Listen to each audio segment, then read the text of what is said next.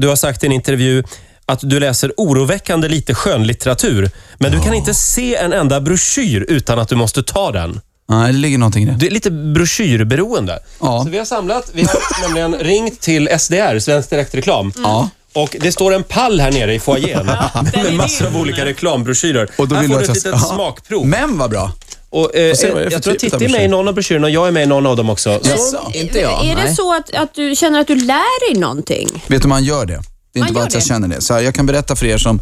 För så ändå ja, men jag, jag hör ju att det finns en hånfull ton här i studion. Och den kan, ni, den kan ni ju tvätta bort från ansiktet direkt. För det, den, den passar sig inte. har du någon, vilken är den bästa broschyren du har läst? Den, den bästa broschyren jag har läst, för den har jag haft mest användning för, det är en broschyr som handlade om, det här är länge sedan, någon gång på mitten av 90-talet, om ett eh, radiosystem mellan lastbilar. Det här är sant. Jag Nej, men läste det här en är ju stört. Ja, det här är stört. Det här är stört. Jag hittade den här broschyren i något sammanhang som jag inte längre kommer ihåg. Och så började jag säga, hmm, ett radiosystem för att synkronisera eh, transporter. Jag läser och läser och Fredde som var vid min sida säger så här, men du är ju helt mongo i huvudet. Varför läser du den där? Varför, vad ska du med det där? till? Varför läser du det?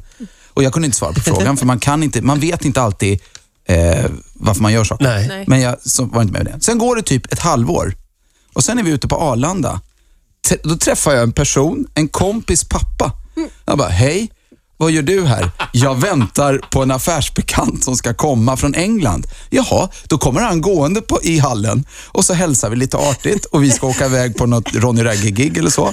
Och då så säger den så här, vad jobbar du med? Ja, det är så här, säger engelsmannen. Jag jobbar med transmitting, transport trans and logistics eller något sånt. Varpå jag är så här, ah, är det det där radiostyrda systemet när ni synkroniserar transporter? Och gubben blir helt, han blir helt så här, han blir kär i mig. Och han bara, it's amazing. It's amazing. Och då visade det sig att det var det han jobbade med. Och ingen visste ju något förutom jag och han om det här systemet. Sen den gången, och det hörde saken, Fredde stod bredvid. Och han var, efter det har han hållit käften om de här frågorna. Så kom inte och säg att man inte kan förkovra sig genom broschyrer. Det är bara ett tips. Om man inte läser sk- skönlitteratur. Och nu tummar du på en om bett och stick. Bett och stick kommer jag kunna hjälpa er med i sommar. Från apoteket. Ga- Gasbesvär har vi här.